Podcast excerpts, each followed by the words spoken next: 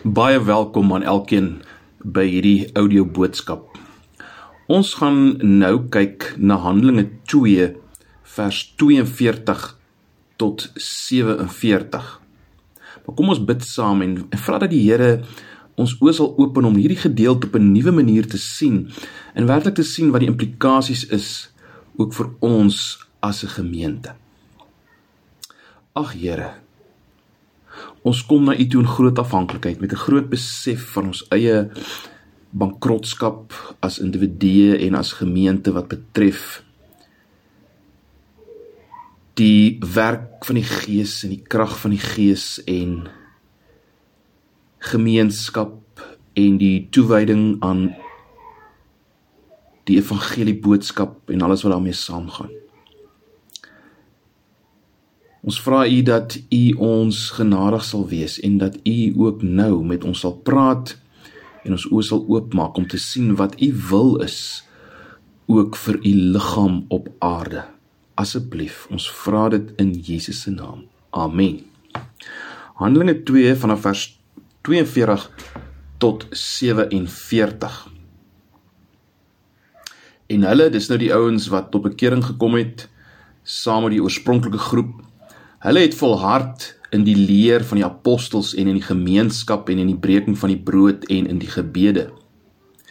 En vrees het op elkeen gekom en baie wonders en tekens het deur die apostels plaasgevind. En almal wat gelowige geword het was bymekaar en het alles gemeenskaplik besit en hulle eiendomme en besittings het hulle verkoop en die opbrengs onder almal verdeel volgens wat elkeen nodig gehad het. En dag vir dag het hulle eendragtig volhard in die tempel en van huis tot huis brood gebreek en hulle voedsel met blydskap en eenvoudigheid van hart geniet.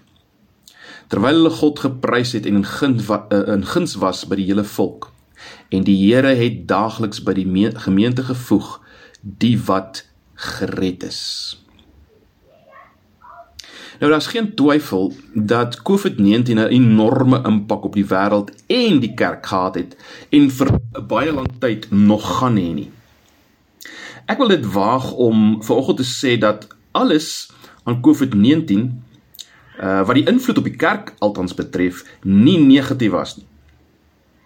Maar dan moet die kerk, dan moet ons erns maak met God se wil vir die kerk soos geopenbaar in sy woord. Wat bedoel ek dat alles aan COVID-19 nie negatief was nie? Wel, ek dink ek het dit al by 'n vorige geleentheid gesê, Ek is nogal oortuig God gebruik COVID-19 uh om ons te wys die kerk is nie net 'n gebou nie en kerkwees is nie beperk tot samekomste in 'n gebou nie. Verder dink ek COVID-19 het ons gedwing om uh as mense van ons tyd kreatief die tegnologie uh, tegnologie uh wat ons het tot ons beskikking is aan te wend om meer mense buite die mure van 'n gebou te bereik met die evangelie. Ek mag verkeerd wees, maar ek het 'n goeie idee dat selfs ons gemeente meer mense met die woord bereik het in hierdie tyd as voor COVID-19. Maar dit gesê, ek is oortuig dat COVID-19 juis ook uh, deur die Here gebruik is om vir ons duidelik te maak veral nou na amper 'n jaar van onnatuurlike lewe dat die wêreld iets anders nodig het. Met ander woorde, ek ek ek, ek dink daar's 'n vakuum en die wêreld het nodig om te sien hoe lyk 'n gemeente, 'n gemeenskap as jy wil, wat op 'n manier lewe wat wys dat daar iets meer is as net bestaan. Net fisiese lewe. Gemeenskappe onder wie Jesus sigbaar besig is. Waar lewens verander word, waar daar nie net gepraat word nie. Gemeentes wat die Here aanbid en so saamleef onder die krag van die Gees dat dit die wêreld rondom hulle aanspreek en uitdaag om voor Jesus te buig. Ek is oortuig dat die wêreld dit nodig het. So alles was nie negatief nie, maar ons moet nou erns maak met die wil van die Here vir gemeentes en daarom ook vir ons as Antipas, soos nooit tevore nie. Daar's nou 'n honger en ons weet wat is die regte antwoord. Ek vertrou dat die gedeelte wat ons gelees het, ons gaan oortuig wat die regte antwoord is en dat ons nie oukei okay is nie dat COVID-19 deur God gebruik is om ook vir ons te wys dat ons hom, die krag van die Gees, meer as ooit van tevore nodig het. Ek dink nie die gedeelte wat in Handelinge nou voor ons is kan op 'n beter tyd kom nie. Maar goed, waarmee het ons verlede keer geëindig, verlede Sondag? Ons het gesien hoe die belofte van die krag van die Gees tot getuienis bewaarheid is in die eerste boodskap van die kerk. Onthou julle dat Petrus saam met die 11 opstaan as 'n aanduiding dat die kerk as te ware nou hier praat en getuig. En 3000 mense kom dan tot bekering. Maar let nou op, die kerk in Handelinge 2 het nie nou op verlof gegaan, vreeslik dankbaar oor al die nuwe mense wat nou bereik is nie. Hulle het nie gewag vir die volgende preek van Petrus of een van die ander apostels nie. Nee, hulle het doelbewus begin besig raak. Hulle het op 'n sekere manier begin leef. Hoekom? En en en hoekom teken Lukas dit vir ons op? Wel, ons moet sien en Lukas wil hê ons moet sien dat die kerk die werk van Jesus voortsit. Julle sal weet ons het 'n klem geleë op Handelinge 1 vers 1 en 2 waar Lukas sê sy eerste verhaal het gegaan oor wat Jesus begin doen en leer het met die implikasie hierdie tweede verhaal van hom gaan oor dit wat Jesus nou voortgegaan het om te doen en te leer. So die kerk gesamentlik is nou uh of laat ek dit so stel, die kerk gesamentlik is nou en doen nou wat Jesus was en gedoen het. Dieselfde gees wat in Jesus was en hom gelanseer het vir sy bediening op aarde, lanseer nou die kerk vir hulle bediening. Ons almal ken Johannes 20 vers uh, 21 waar Jesus sê: "Soos die Vader my gestuur het, stuur ek julle." So, hoe lyk dit as mense gesamentlik is dit wat Jesus was? En wat gebeur? Wat doen hulle? Waarmee is hulle besig? Kom ons kyk net na vers 42 eers. Kom ons kyk na die kerk se volhardende gesamentlike lewe as jy wil na binne.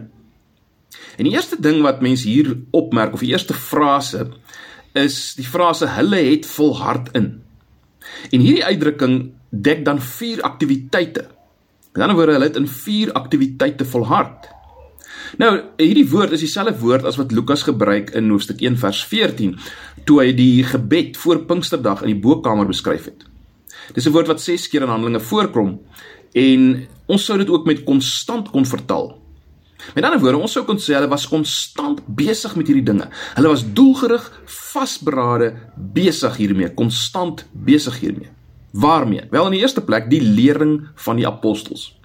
Nou, wat moet ons nie onder hierdie lering van die apostels verstaan nie? Wel, eerstens, hier word nie gepraat van die gereformeerde leer soos ons dit ken nie. Daar was eenvoudig nie so iets nie.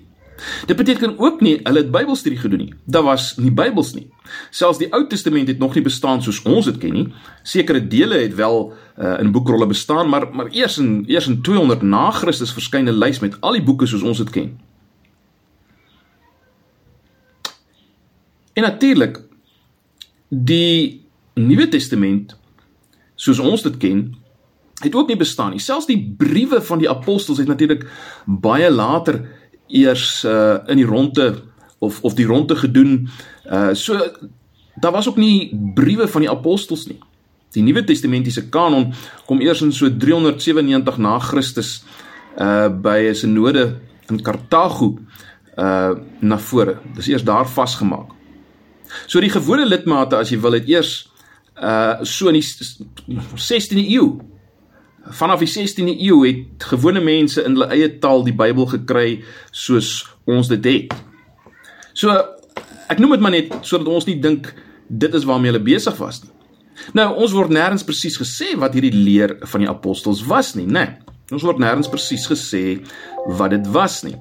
Maar ons kan tog 'n uh, redelike afleiding maak dat die leer van die apostels waarskynlik was dit wat hulle geleer het by Jesus en wat nou bevestig is deur die dood en die opstanding en die hemelvaart van Jesus.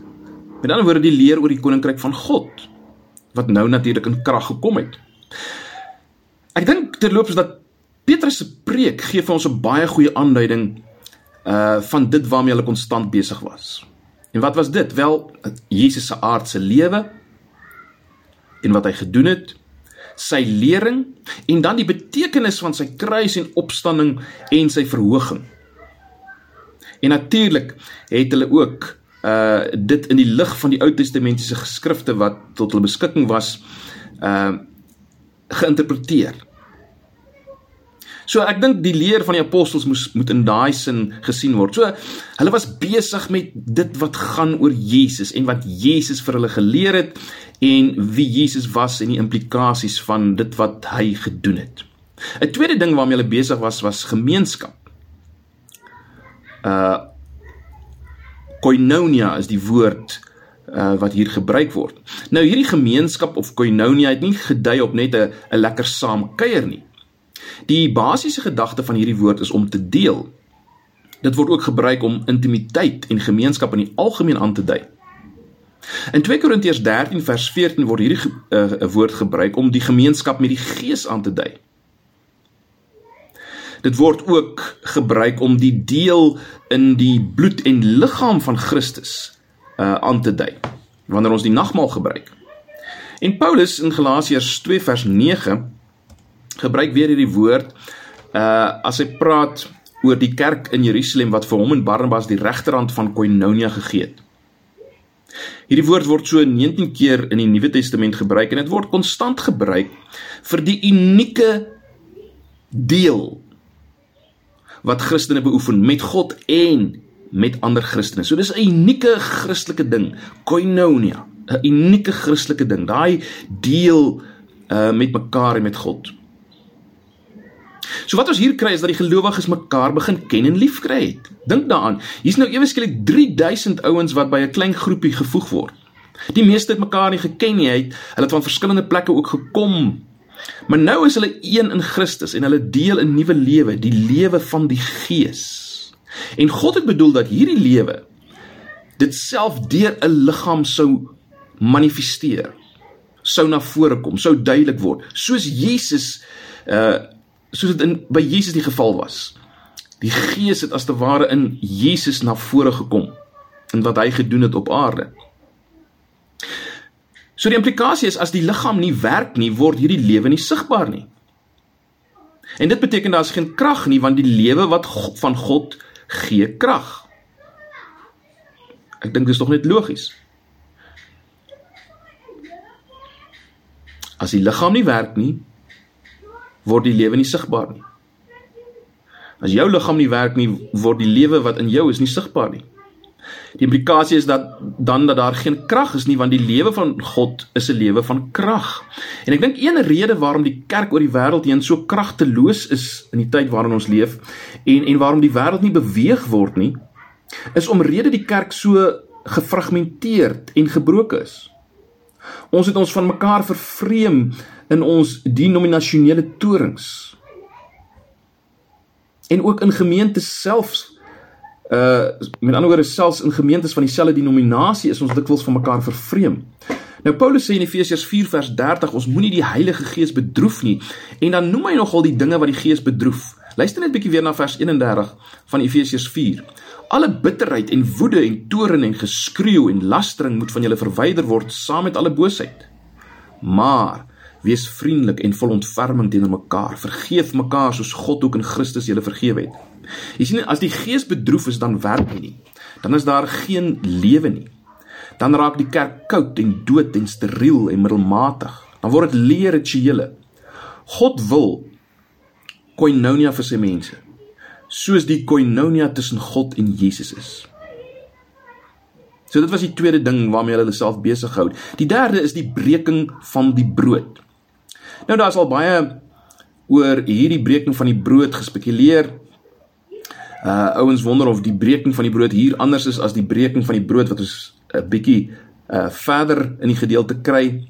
Maar ek dink ons kan tog met redelike sekerheid aanvaar op grond van uh goeie navorsing ook dat die frase verwys word na die gebruik van die nagmaal.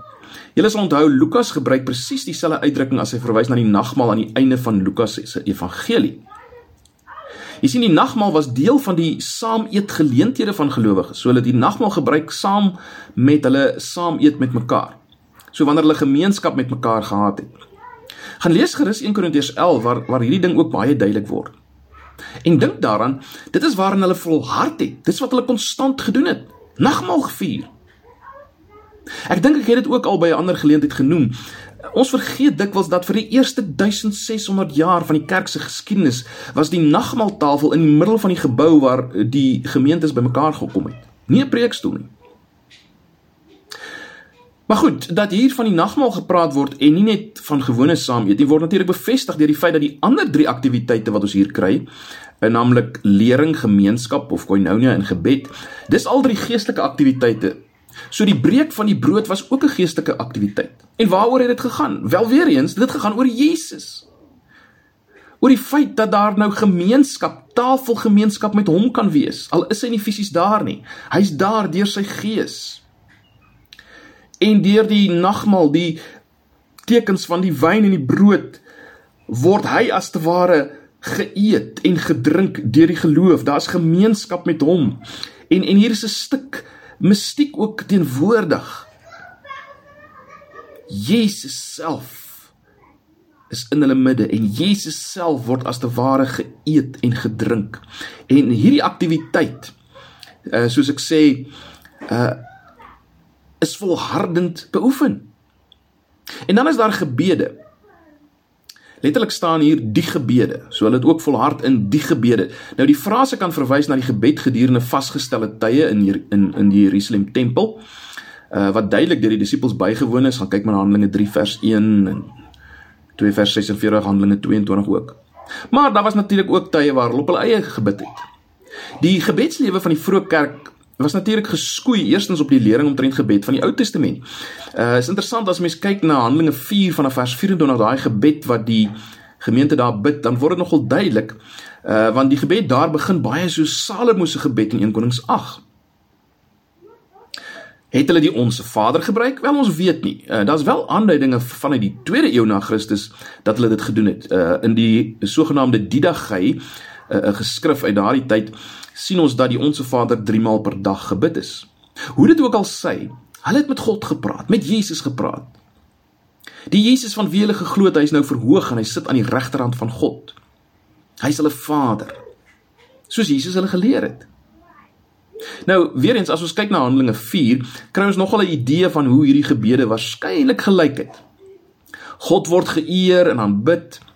En dan word daar gevra dat hy sy seun sal verheerlik, let wel deur tekens en wonders ook. Uh luister net na Handelinge 4 vanaf vers 29. Ons sal uh, daarby kom in, in meer in besonderhede dan dan kyk, maar sien dit net raak.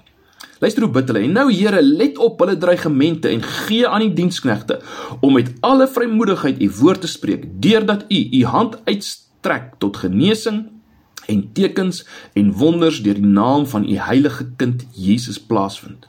En toe hulle gebid het, is die plek geskit waar hulle saam was en hulle is almal vervul met die Heilige Gees en het die woord van God met vrymoedigheid gespreek. So dis wat ons kry in die gemeenskaplike lewe as jy wil na binne. Hierdie dinge. Hierdie dinge waarna ons nou gekyk het. Die gebede, die gemeenskap met mekaar, die koinonia, die volharding in die leer van die apostels, die volharding in die gebruik van die nagmaal. Maar kom ons kyk nou na vers 43 tot 47. As jy wil, kan ons dit noem die gemeenskaplike lewe na buite. Uh bedoelende hier word ook gepraat na die uh oor die impak wat hulle na buite gehad het, hierdie ge eerste gemeente. Kom ons kyk net na vers 43 om mee te begin. Ons lees daar en vrees het op elkeen gekom en baie wonders en tekens het hierdie apostels plaasgevind. Baie belangrik, waarop het die gemeente hulle toegelê? Waarin het hulle volhard? Wel in alles wat met Jesus te maak het. En dit lyk vir my dan eer die Gees dit, want die Gees het ons gekom om Jesus te verheerlik.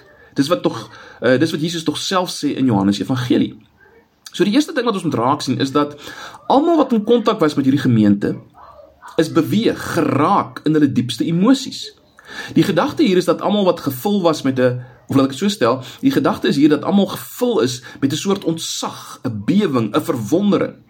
Presies natuurlik wat gebeur het met mense as hulle Jesus gehoor praat en gesien optree het en dinge gesien doen het.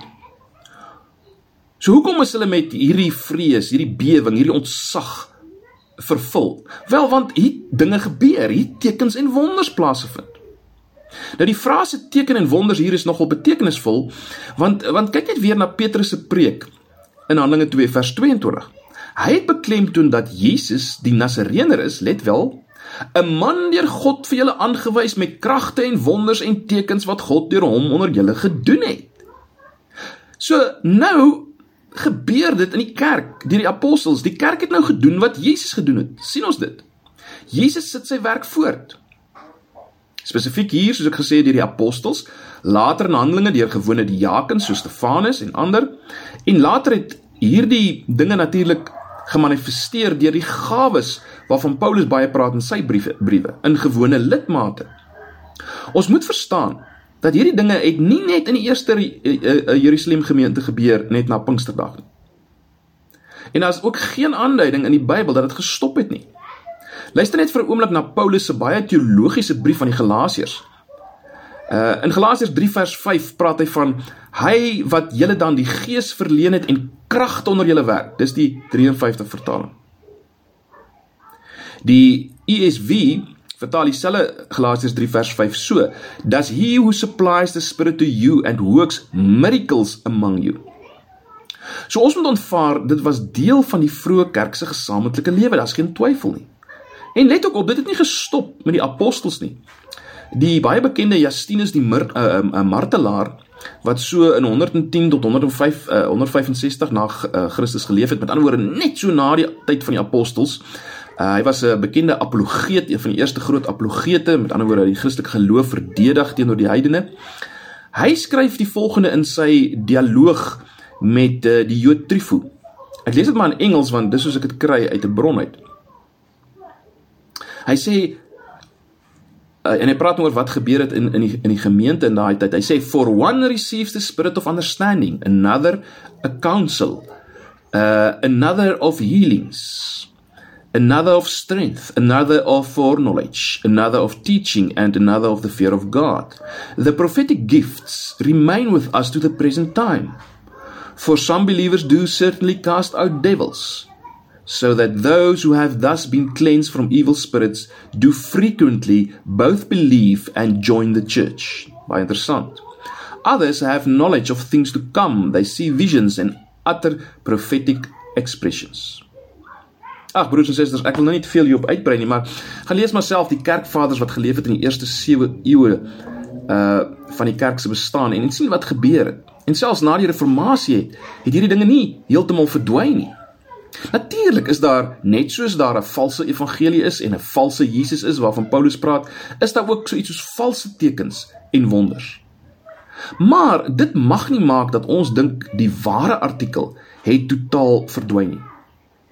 Dit mag nie maak dat ons nie 'n verwagting het dat God ook in ons tyd Jesus kan verheerlik deur hierdie dinge nie. Die skrif gee vir ons geen reg daarop nie en ook nie die kerkgeskiedenis nie. Maar goed, dis nie so seer wat ek wil beklemtoon nie. Uh, ons het nie beheer oor hierdie dinge nie. Jesus is soewerein, die Gees is soewerein hierin. Hy doen soos hy wil, wanneer hy wil, wat hy wil. Die punt is as daar 'n fokus, dit lyk vir my, as daar 'n fokus en 'n volharding is om Jesus te eer, om op hom te fokus, dan gebeur daar dinge. Want dan word die Gees nie bedroef nie en mense is bewus daarvan. Hulle word met ontzag vervul. Maar goed, die volgende ding wat ons hier sien is dit. In vers 44 en almal wat gelowig geword het, was bymekaar en het alles gemeenskaplik besit. En hulle eiendomme en besittings het hulle verkoop en die opbrengs onder almal verdeel volgens wat elkeen nodig gehad het. Nou net so terloops, hier was geen gedwonge kommunisme nie. Hulle het ook nie alles net weggegee vir die kerk sodat die kerk alles besit het nie. Nee, dit het dit het bloot gegaan daaroor dat daar gesorg is dat die wat behoefte het, gehelp kan word deur die wat meer gehad. Met ander woorde, die lewe van die gees het die sakke geraak. Daar was ontferming oor die wat as gevolg van een of ander rede nie gehad het nie. Dis wat ons hier kry. Dis wat ons hier kry. En dan is ons in vers 46 en dag vir dag het hulle eendragtig volhard in die tempel. Nou dat hulle na die tempel gegaan het mag vreemd vir ons klink, maar onthou dit was 'n oorgangstyd. Die tempel is nog gebruik. Binnekort sou Stefanus preek hieroor en wys dat die tyd van die tempel verby is. Maar op hierdie oomblik het hulle nog so intoe gegaan. Met ander woorde, mens kan sê hulle het hulle het na hierdie openbare plek gegaan. Hulle was daar. Maar let ook op die volgende frase, hulle het ook van huis tot huis beweeg. Hulle het in mekaar se huise gekom. So hulle was nie net in die in hierdie een plek, die tempel teenwoordig nie, maar hulle het ook in mekaar se huise gekom en ook daar die let wel die nagmaal gevier. Ek het reeds gesê sommige maak 'n onderskeid tussen die eerste diep breek van die brood en hierdie breek van die brood, maar ek dink nie daar's rede om te dink hier is van iets anders sprake nie. Uh dit verwys ook hier die breek van die brood na die nagmaal. So hulle het saam geëet uh en nagmaal gevier. Nagmaal gevier en dan lees ons het hulle met blydskap en eenvoud hulle voedsel saam geniet. So daar was blydskap. Weerens daar was daar was emosie, daar was blydskap. En dan was daar eenvoud. Hulle emosies was betrokke. En hulle was betrokke by mekaar. En dan lees ons in vers 47 terwyl hulle God geprys het en in guns was by die hele volk en die Here het daagliks by die gemeente gevoeg die wat gered is. Terwyl hulle God geprys het. So lofprysing was kenmerkend hier en ons weet later in Efesiërs is lofprysings 'n kenmerk van die vervulling met die Heilige Gees. Baie interessant. Hulle was in guns by die hele volk. In ons tyd is die kerk dikwels nie in guns by die wat nie in die kerk is nie en en dikwels interpreteer sekere segmente van die kerk dit as positief as 'n teken dat hulle suiwer is maar ek wonder soms is die rede waarom die wêreld rondom ons die kerk nie as positief beleef nie is dit nie dalk omdat ons koud en doods en intellektueel en beterweterig en foutvinderig en mikromoralisties is as die kerk soos Jesus is kan ons dan nie verwag dat nie Christene en ja selfs goddelose mense die kerk sal gunstig beleef nie. Die wat die kerk nie gunstig sal beleef nie, is veel eerder die teoloë van die dag, soos die Fariseërs wat Jesus nie gunstig beleef het nie. En let nou laastens op, hier's geen sprake van enige verdere preke wat gelewer is nie en tog het die Here daagliks by hierdie gemeente gevoeg die wat gered is. Nou, Here hier verwys waarskynlik na Jesus uh, na Jesus self. Uh, jy sal onthou uh, Petrus het by sy preek op Pinksterdag dag uh, dit duidelik gemaak dat God het hierdie Jesus beide Here en Christus gemaak. So kom ons bring dit nader aan onsself. Ek het nogal gewonder, wat sal ek sê in toepassing? En ek het besluit ek gaan niks sê nie. Ek het besluit kom ons wat nou hier by mekaar uh wel ons wat luister uh na hierdie boodskap nou uh kan dit ook doen uh, en die wat ver oggend by mekaar gaan wees in die gebou gaan dit doen. Uh kom ons doen as toepassing iets van dit wat die eerste gemeente gedoen het. Kom ons vier die nagmaal. Kom ons dink aan Jesus. Daar waar jy nou luister. Kry die mense in jou gesin by mekaar. Gebruik die nagmaal saam en dink aan Jesus. Hê gemeenskap met hom en bid saam. Bid saam, bid saam dat die Here ons gemeente sal besoek, dat hy sal werk onder ons en dat die Here, dat Jesus mense by ons gemeente sal voeg. Amen. Kom ons bid saam. Ag Here, dankie vir u woord. Dankie vir dit wat ons sien in hierdie eerste gemeente van wie u is en wat u wil vir u liggaam op aarde, die kerk. Ag Here, sal U ons nie besoek nie. Sal U ons nie versterk as ons die tekens gaan gebruik ook vir oggend nie. Tekens van wie U is en wat U vir ons gedoen het. Asseblief Here Jesus, ons vra dit in U naam alleen. Amen.